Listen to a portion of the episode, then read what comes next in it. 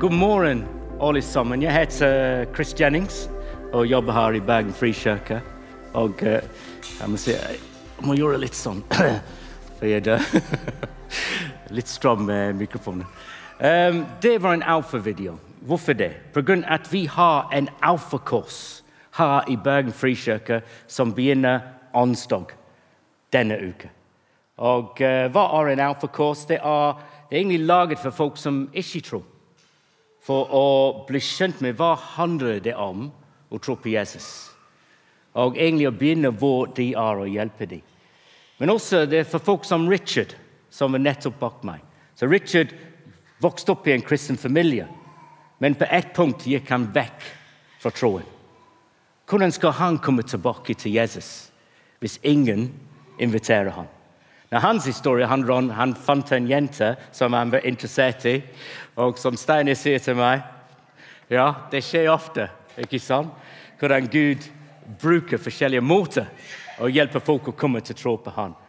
Men Alfa er en veldig bra kurs. Hva gjør vi? Vi møter og vi spiser middag. Og uh, Denne onsdag skal lage lasagne. Og uh, Derfor har vi påmelding for Alfa-kurs, så jeg vet hvor mange jeg skal lage for. Uh, for hvis 50 stykker kommer, det blir ikke mer mat. men vi håper 50 stykker kommer. Amen. Men hvis vi vet det, da får vi mer lasagne laget.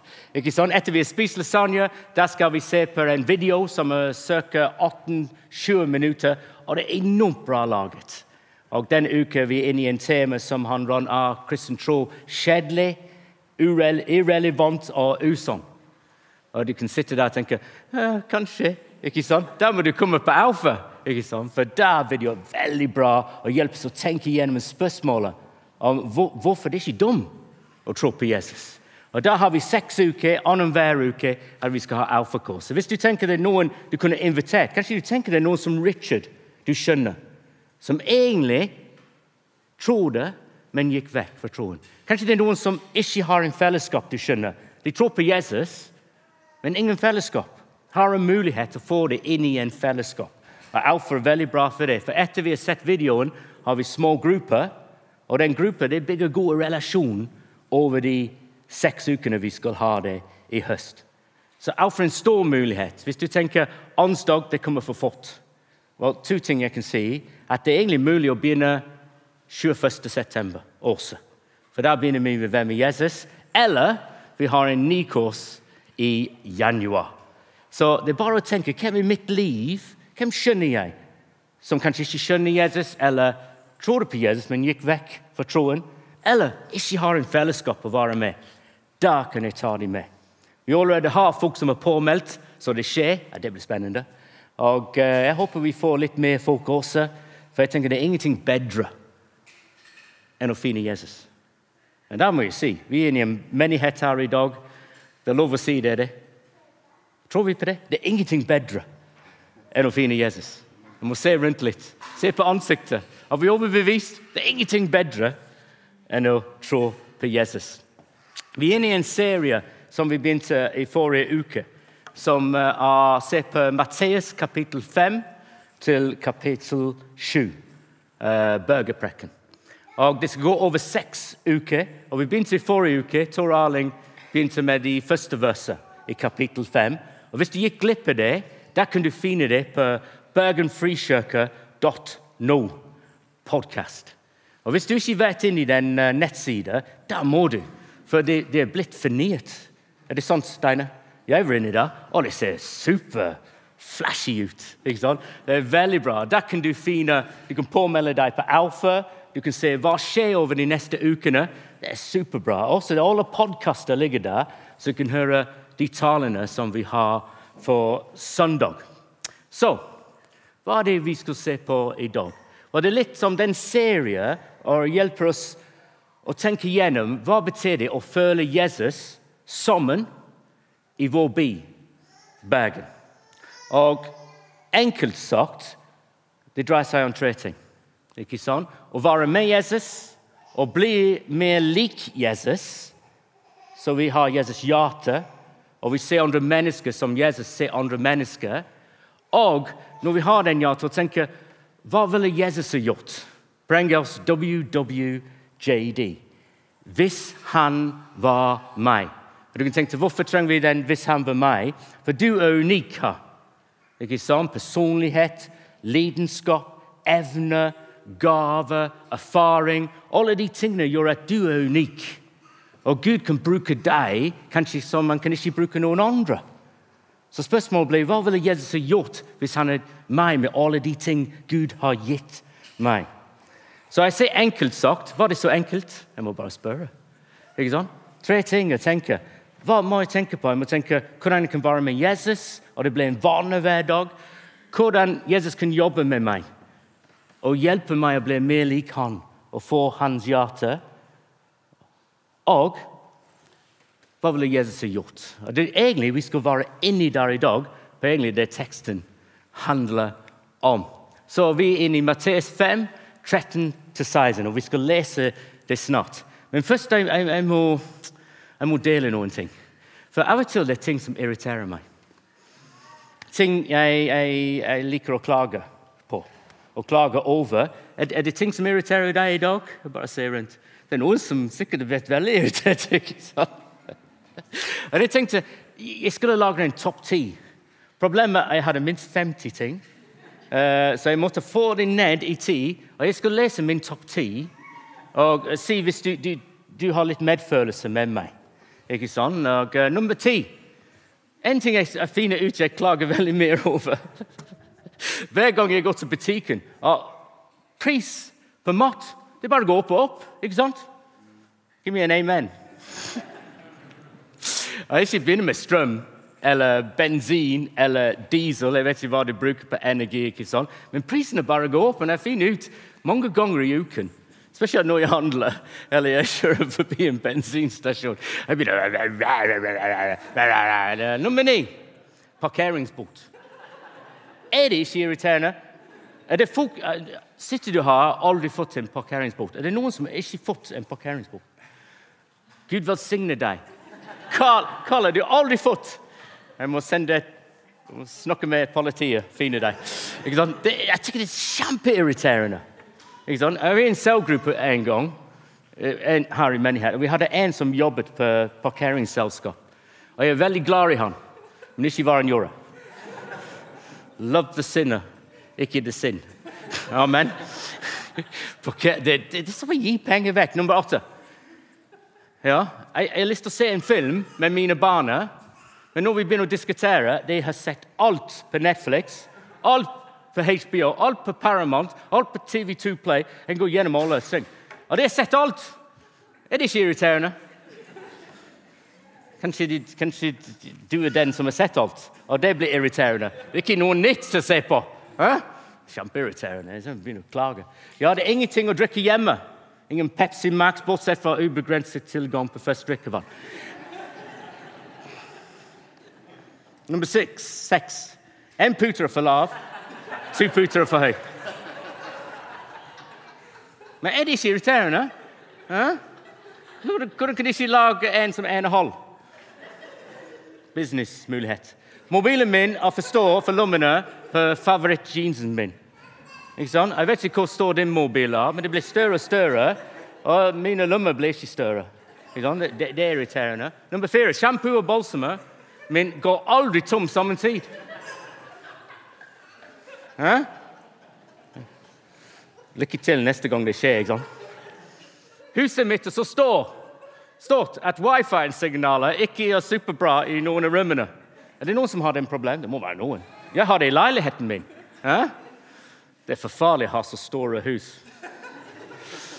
Jeg er på en fancy femstjerners uh, spa resorts hotell, men jeg må bruke en som alt-inkluderende armbånd som er så ubehagelig. Har du vært på ferie når du har de armbåndene på? Er det ikke irriterende? Er det må ha det når du betalte så mye penger? Jeg føler meg bedre nå. det er sånn terrible. Hvorfor skal jeg snakke om og klage. På en måte, Når Kristin leste noen av de bønnene i dag, inni der var å klage. Var det ikke, Kristin? Hørte du hva du leste? Amen. Uh. Du kan klage til meg etterpå. Det er viktig i noen situasjon å klage. ikke sant? Å oh, ja, nummer én. Det glemte jeg. Du tenkte jeg kom til nummer to. Hva med nummer én? Nummer én mest irriterende folk som klager hele tiden. Det heter ironi. Ikke sant? Jeg tror. Ikke sant? Men av og til det er noen situasjoner det er veldig det er nødvendig å klage. Ikke sant? Så her er vi. Her er noen som klager. Ikke sant? Det er Jesus. Han sier ved den niende time ropte Jesus med en høy røst Eli, Eli, lema sabachthani. Det betyr, min Gud, min Gud, hvorfor har du forlatt meg? Det er en sitat fra Salme 22. Og de tenkte, Når det kommer til vårt forhold til Gud, det er viktig å klage når vi har det vondt. Eller noen andre har det vondt, eller situasjonen er vanskelig. Hvorfor det? For Gud vil at vi skal være ekte og ærlige med Han. Og Hvis vi ikke gjør det, det skaper en distanse mellom oss og Han. Som i alle nære forhold det er viktig at de andre skjønner hvordan du har det, og vi kan snakke ærlig med hverandre i, i som intime forhold. Så nå hva jeg skal si om klaging, for jeg skal begynne å snakke om klaging, er ikke når vi tenker vårt forhold med Gud. Men hva du håper når vi klager til Gud, at vi skjønner også vi er elsket. At han har omsorg for oss. Og når vi kommer nær, ikke at alt blir bra, men han forandrer kanskje hvordan vi har det midt i våre vanskelig. For grunn at vi skjønner han er med oss og for oss, og han er glad i oss. Men når det kommer til den verden vi bor i, kanskje vi skulle tenkt kanskje vi skulle vært annerledes enn å bare klage. Nå, når jeg begynner med den klagen, jeg, jeg, jeg begynte den talen, og jeg, jeg snakker med flere om den lista. Og når jeg begynte, tenkte jeg, jeg, sa til en jeg skulle skrive ned hver gang jeg klager på noen ting. Men sannhet var etter to timer jeg gidder ikke lenger.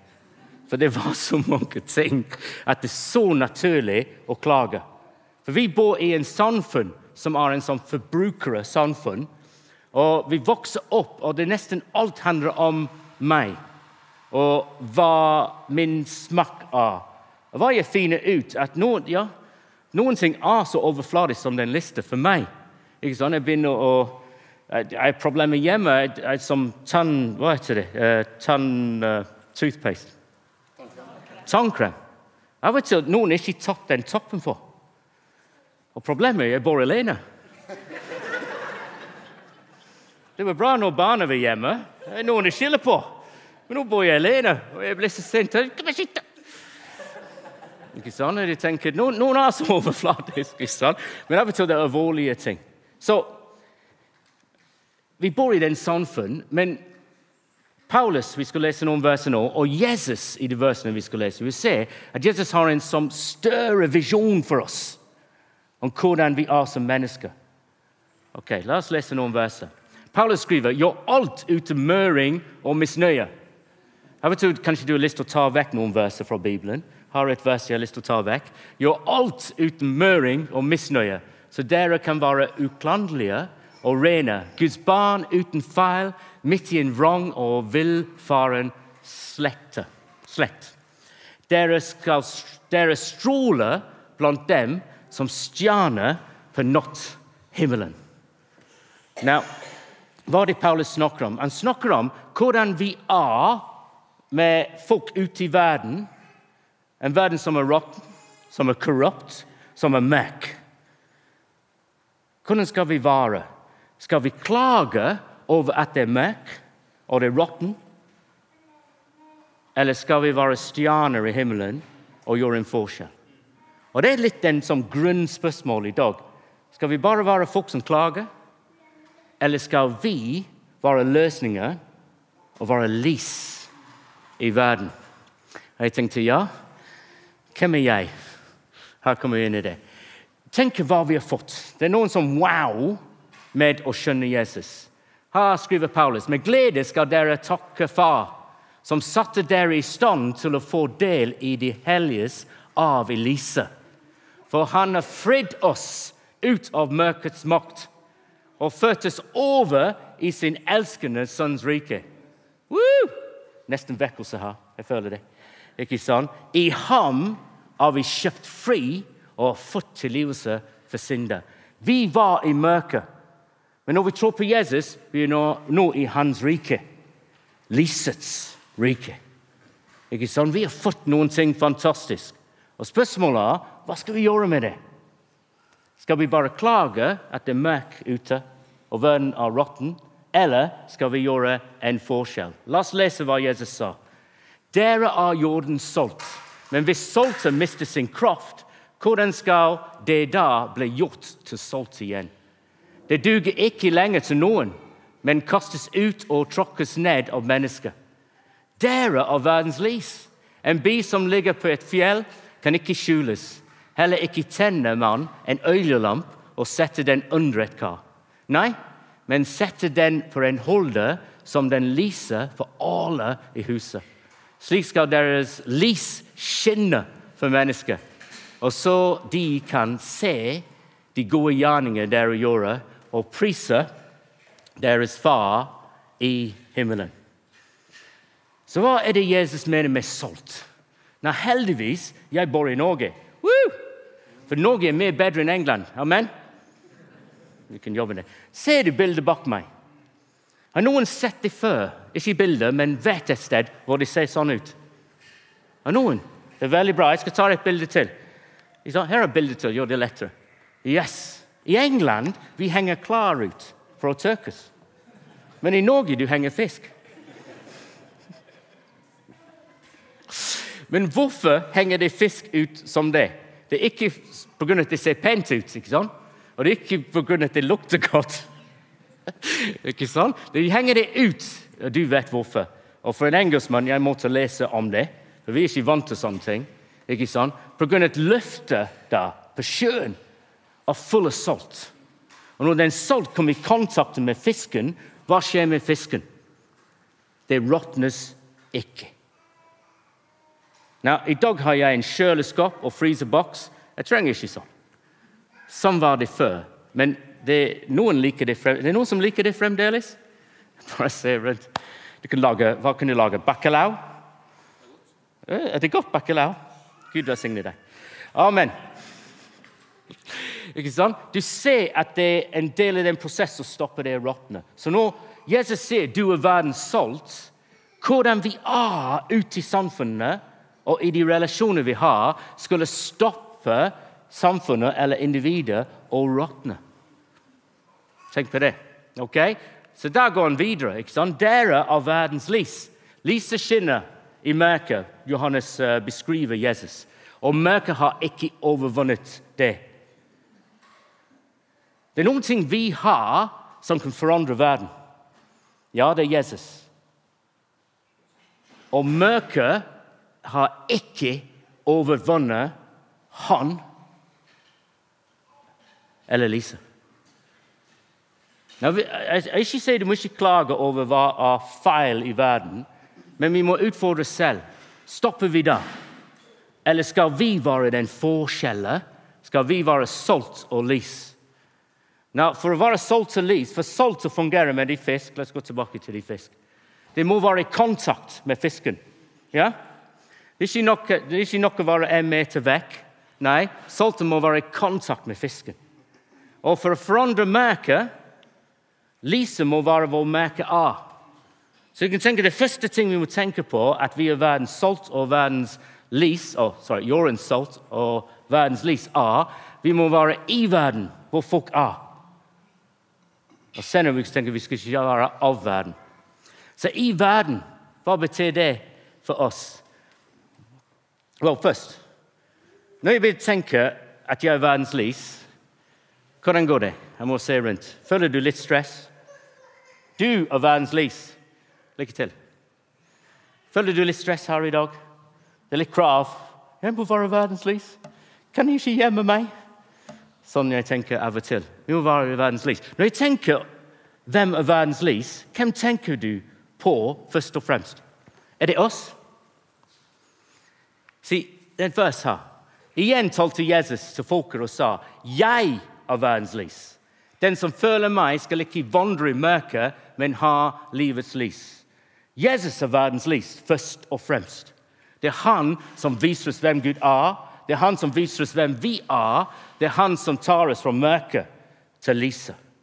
Men Jesus sa noen andre ting etter han har sagt det i det neste kapitlet. Han sa så lenge jeg er i verden, er jeg verdens lys. Noen ting har forandret seg. For Jesus er ikke fysisk her i verden, men han har valgt å være verdens lys gjennom oss. Så derfor han kaller oss verdens lys. For vi skal være tilknyttet til han og påvirke til han, og han skal skinne gjennom oss. Du må tenke, Her er bildet Jesus bruker. Han er ikke lenger her fysisk, men han har valgt oss og vil bruke oss for å hjelpe verden å se hvem han er, og oppleve det. Jesus sa igjen sa Jesus til dem, 'Fred være med dere.' Som Far har sendt meg, så sender jeg dere. Så på en måte har jeg vårt oppdrag. Vi er sendt for å være verdens lys. Så når Jesus sier det til hans disiplene, han egentlig sier ok, jeg, jeg er verdens lys nå, men snart er jeg ikke her. Ved Den hellige ånds hjelp, for du skal få Den hellige ånd, du skal være verdens lys. Det er plan A med Gud. Og Kanskje du sitter her i dag og tenker ja, hva er plan B? Tenker du sånn av og til? Du tenkte hvorfor har Gud valgt oss? Og bare se rundt. Hvorfor har Gud valgt deg? Nei, Jeg kan oppmuntre deg etterpå hvis du er i tvil. Jeg vet hvor Gud har valgt deg, men av og til jeg tviler at Gud har valgt meg. For du skulle skjønt mitt liv. Men jeg tenker her er måte Gud har tenkt han skal hjelpe folk å komme til han. Og det er gjennom ekte mennesker.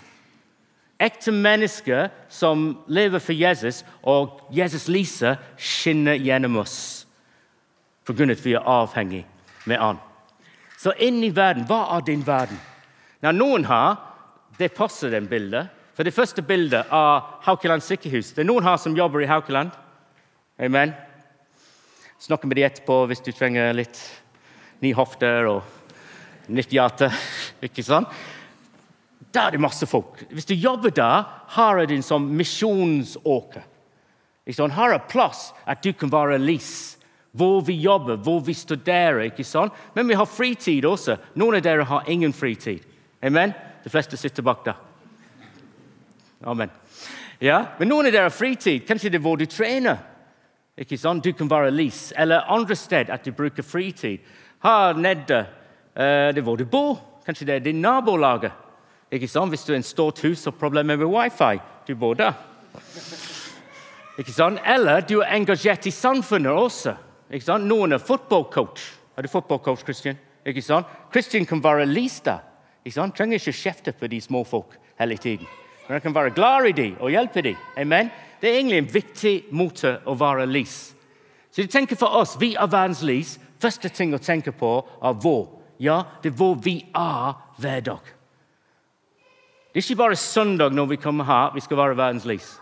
Men viktigere er hva skjer mandag, tirsdag, onsdag. At vi er der og kan være verdens lys. Så tenk sånn hver dag. Hvordan kan Gud bruke meg i dag? Med de folk jeg skal møte. Ikke sånn? Når, når vi snakker om å være verdens lys, at Jesus er verdens lys, først og fremst er viktig. For å være lik Jesus nummer én, vi må være med Jesus. Da Jesus først kalte sine disipler, han sa han kalte til seg den han ville. Og de kom til han. Han pekte ut tolv, som han også kalte apostler. Hvorfor? For at de skulle være sammen ham. Og for at han skulle sende dem ut og forkynne. Først de skulle være sammen, etterpå sendt ut. Så Gud aldri introduserer seg selv og sier 'gå'. Første ting Jesus sier til oss alle i dag, er 'kom'. Kom, skjønne mitt hjerte. Kom, oppleve min kjærlighet. Kom, oppleve min omsorg for deg. Og Det er det de første disiplene opplevde med Jesus. Hans medfølelse for mennesker. Men det var også for de. Så når vi går vi går med Jesus, men også vi begynner å ha hans hjerte. For vi skjønner vi er elsket og ønsket og tilgitt og lever i Guds nåde og barmhjertighet. Når vi snakket om, i forrige uke om de uh, salige. Det var åtte forskjellige salige. Og Av og til du kan lese de og tenke litt random, de salige. Men det handler om hva vi snakker om nå. For De første salige var at du er fattig i ånden. Og Det kan hørtes litt rart ut. Er jeg fattig i ånden? Ja. Så hva det egentlig betyr, enkelt sagt, er du kan ikke frelse deg selv. Som mennesker vi har lyst til å bygge en bro over til Gud, men det funker ikke. Vi er fattige, vi er åndelig konkurs. Kan ikke frelse oss selv. og Det kan hørtes forferdelig ut. Derfor er det litt opp ned og rart, de tingene Jesus sier. Men det første ting er innrømme. Det neste er at vi skal såge. Såge over hva? At vi er fattige i ånden. At vi gjør ting som er ikke bra. Tenker ting, sier ting. Og hvis vi begynner å tenke ja, det er ting som ikke er bra i mitt liv, er vi egentlig et steg nærmere å være i Guds rike. For Den tredje er at. Hvorfor skal vi være ydmyk? For det handler enkelt å si om at vi skjønner noen ting er ikke bra i vårt liv. Og det er at vi er vår egen Gud. Men å være ydmyk å si til Jesus Jesus, være den du er i mitt liv. Og Det betyr være Gud i mitt liv og være min herre. Og Da opplever du den fjerde ting. Å, jeg får hjelp her. Da opplever du den fjerde ting. At vi begynner å tøste og hunger etter rettferdighet og blir lik han. Så du kan tenke på en måte Jesus i de versene vi leste i forrige uke, hvordan du kommer til Gud. Du kommer til Gud med en innrømme at du kan ikke frelse deg selv at det er ting i ditt liv som ikke er bra, at egentlig det betyr at Jesus er herre i ditt liv istedenfor du. Og Da forandrer Jesus deg og begynner å tøste og hungre etter å bli lik ham. Jesus sa, 'Bli i meg, så blir jeg i dere'. Slik som grenene ikke kan bære frukt av seg selv, men bare hvis den blir på vintreet, slik kan heller ikke dere bære frukt hvis dere ikke blir i meg. Jeg er vintreet, dere er grenene. Den som blir i meg, og jeg i ham, bare mer frukt. For uten meg kan dere ingenting gjøre. Så på en måte, hva er det å skjønne Jesus? Det er å bruke tid med han hver dag. Å ha vaner i livet hvor du kommer inn i Jesus' nærvær. Hvorfor? For å være der begynner du å på en måte ha mer Jesus i ditt liv. Og Jesus sier, det er han som sier det, hvis vi gjør det regelmessig, da begynner vi å bære frukt, åndens frukt, og begynner å bli mer lik han og ligne han. Og Når vi begynner å være mer lik han, vi begynner å ha Jesus skinne gjennom oss. For det forandrer hvordan vi ser folk, og hvordan vi tenker for folk. De andre fire salige vi hadde forrige uke, var fredsskapere, barmhjertige, rene hjerter og egentlig du lar ikke at folk bruker vold mot deg, stopper deg og viser Jesus. Og Hvis du tenker Det hørtes litt rart ut, men det, det er et bilde av Jesus. Hva han snakker om, at vi skal bli mer og mer lik han. Jeg skal slutte med to historier i dag. Og um, Den første historien og Begge kommer fra 1980-tallet for jeg er så gammel. Og noen av dere er ikke født i 1980-tallet, men det var liv før du, du ble født. Det er en gammel mann-ting å si det. Uff meg. Denne historien handler om Noriland. Now, da min sønn studerte på Danielson, det er en veldig bra skole og eh, Jeg måtte lese på ungdomsskolen hans historiebok med han. For vi, vi leste om Storbritannia og Nord-Irland. Og jeg må si at den norske uh, versjonen av den historien i Nord-Irland uh, var nådeløs mot de engelske. Ingen klager her. Ja, det skulle vært ikke sant? De forferdelige engelskmenn. Lykke til. Ja, så Det er en interessant historie, for det er en, det er en forferdelig historie. Ikke sant? Og Da jeg vokste opp, det var bare vold det var terrorister, det var bomber. Og jeg opplevde noen av de bomber i nærheten eh, da jeg bodde til London. Og de skjønte det var en problem i Norge-land som var ikke enkelt.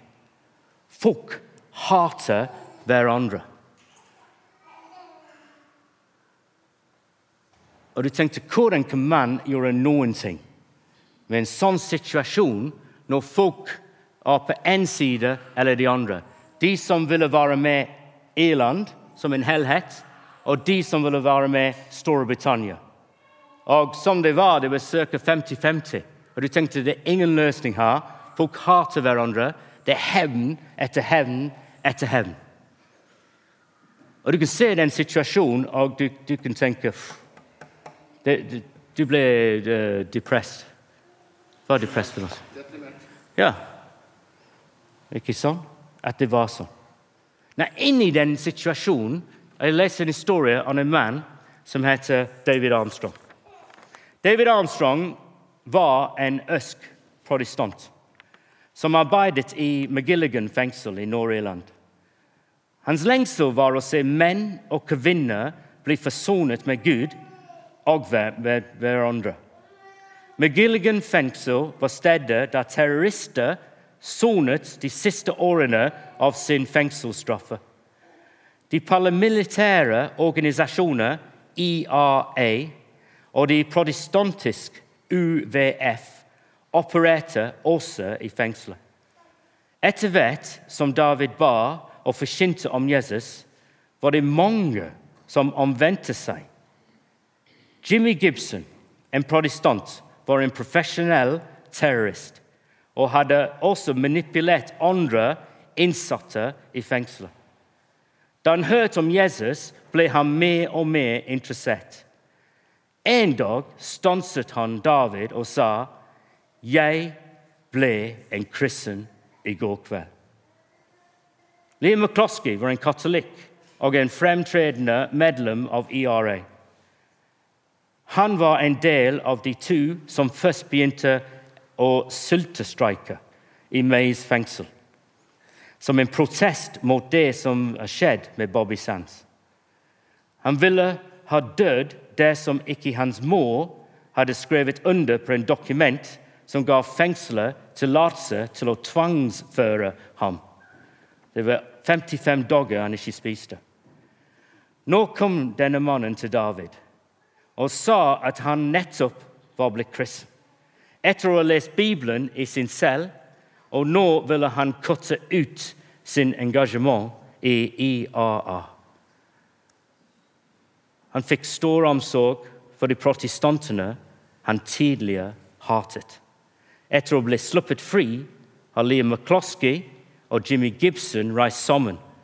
Og deres budskap har vært forsoning på grunnlag av Jesu kjærlighet. Hvis du går på YouTube, du kan finne hans vitnesbyrd, som var filmet i fjor. Han døde til i år. Og Det er kjempespennende å se en mann som ville drepe folk. Totalt forandret. Han leste han skulle tilgi andre som Gud har tilgitt han, som vi har i Fader vår. Han leste han skulle elske sine fiender. Og Jesus smeltet hans hjerte. Han fått fred med Gud, og det påvirket han å skape fred med andre. Og De to reiste rundt, og det var flere, og det er spennende å høre deres historie. For det var en del av prosesser som i 1998 hjelpte det være en fredsprosess som forandret Nord-Irland og stoppet folk å finne bomber under biler og å drepe hverandre. Det er egentlig en veldig sterk historie. Hvordan kan det skje? Hvordan kan du få motivasjon og kraft til å forandre seg så sterkt? Det er pga. at han møtte Jesus. Pga. at David Armstrong var verdens lys i denne fengsel. Og de to ble forandret til å være verdens lys og forandre mange andre liv. Ikke sånn? David Armstrong, som de fleste av oss kunne klaget over hva skjedde i denne fengsel med de terrorister. Men han tenkte ikke sånn. Han tenkte her er folk som trenger Jesus som trenger å gå fra mørke til lyset. Hvordan kan de gjøre det hvis jeg ikke er inne i den fengsel og snakker med dem? Han ble en del av løsningen, ikke bare klager for problemet. Da jeg var 18 år, jeg var på en konferanse i Manchester hvor jeg vokste opp. Og De fortalte en historie som uh, jeg aldri glemmer. Det var en menighet som var i en fattig, omstrøk, om, fattig strøk Omstrøk? Område. Bra. Det var en menighet som var i en fattig område utenfor Manchester. Og uh, Det ligner den menigheten Det er menighet jeg egentlig ble frelst i. Og utenfor den kirka uh, Folk kom på gudstjeneste søndag kveld. Og sånn det var i den kirka, alle hadde dress på, slips. Og uh, kvinner hadde fin kjole. Så veldig flott ut. Ingen av de bodde der. Alle kjørte bil inn. Og eh, Da de kom inn søndag kveld, de skulle gå inn, og da var det mange biler der allerede. Og det er ikke bare biler, det var damer der på fortauet. Og de damer de var ikke, de ikke som pent kledd. De hadde veldig lite klær på.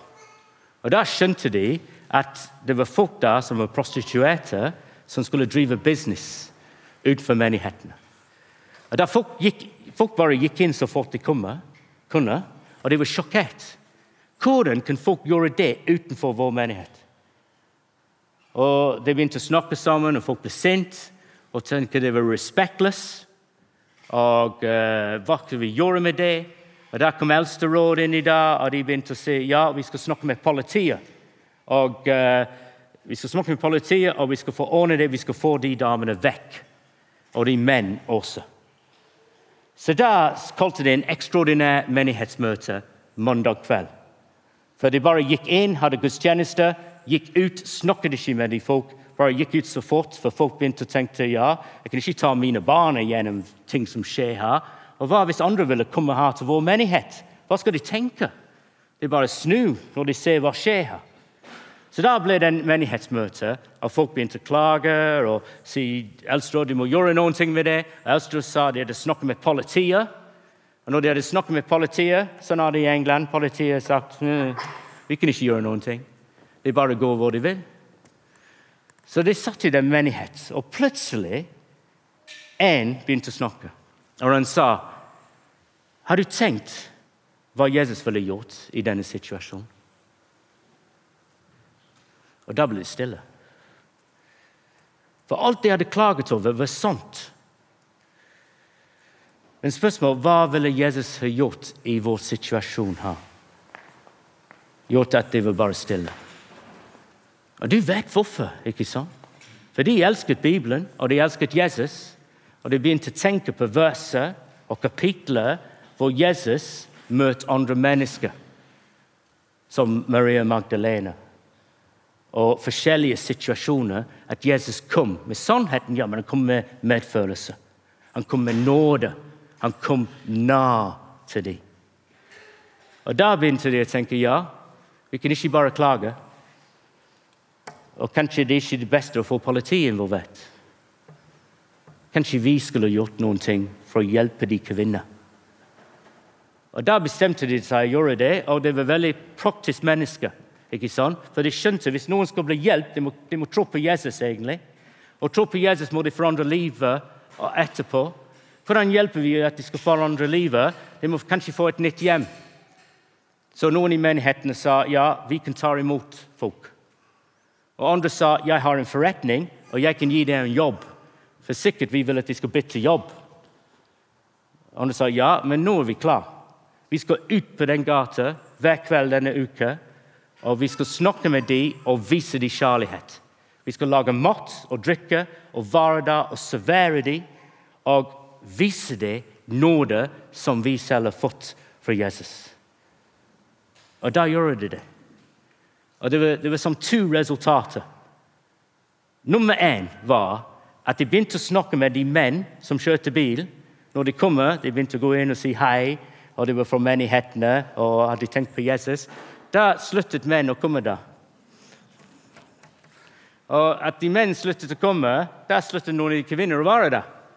For de ville drive business, så de egentlig gikk en annen sted. Det andre resultatet var det var en kvinne som over den uke lyttet til hva de sa om Jesus. Og hva de hadde gjort mot henne. Ikke fordømme henne, men å vise henne nåde, hadde påvirket henne. Og hun, etter en uke, trodde på Jesus. Fått et nytt sted å bo og fått en ny jobb. Og når jeg hørte den historien Jeg var 18 år. Jeg tenkte det er Jesus. Sånn er det å være verdens lys. Vi kan bruke tid og klage over hva er feil, eller vi kan være lys og sått.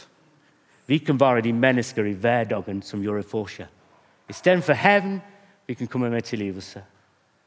Istedenfor å peke hva er feil, vi kan komme med nåde og barmhjertighet. Og jeg tenkte jeg har lyst til å være det. Sånn vil jeg være. Som Paulus sa, som stjerne i en mørk universet. Skal vi be sammen? Jesus, hjelp oss. Hjelp oss denne uka å være, være med deg. At du kan lyse gjennom oss. Hjelpe at andre vi møter denne uka, Jesus, at de skal oppleve deg gjennom oss, gjennom hvordan vi er. Hjelp oss å være nådefulle, ikke nådeløs. Og komme med barmhjertighet og medfølelse istedenfor å peke finger for å være feil. Hjelpe folk å oppleve den kjærlighet vi selv har fått fra deg. Bruk oss, Jesus, på jobb, på studium, på fritid, i nabolaget. Så hjelp oss å ha tid med deg denne uka, for vi lar deg påvirke oss. Og hjelp oss å be, og be at vi bryr oss. Og be at du kan bruke oss og hjelpe folk å oppleve litt lys i deres mørke. Vi trenger deg, Jesus. Vi lett innrømmer at vi kan ikke gjøre det alene. Men takk at vi ikke er alene.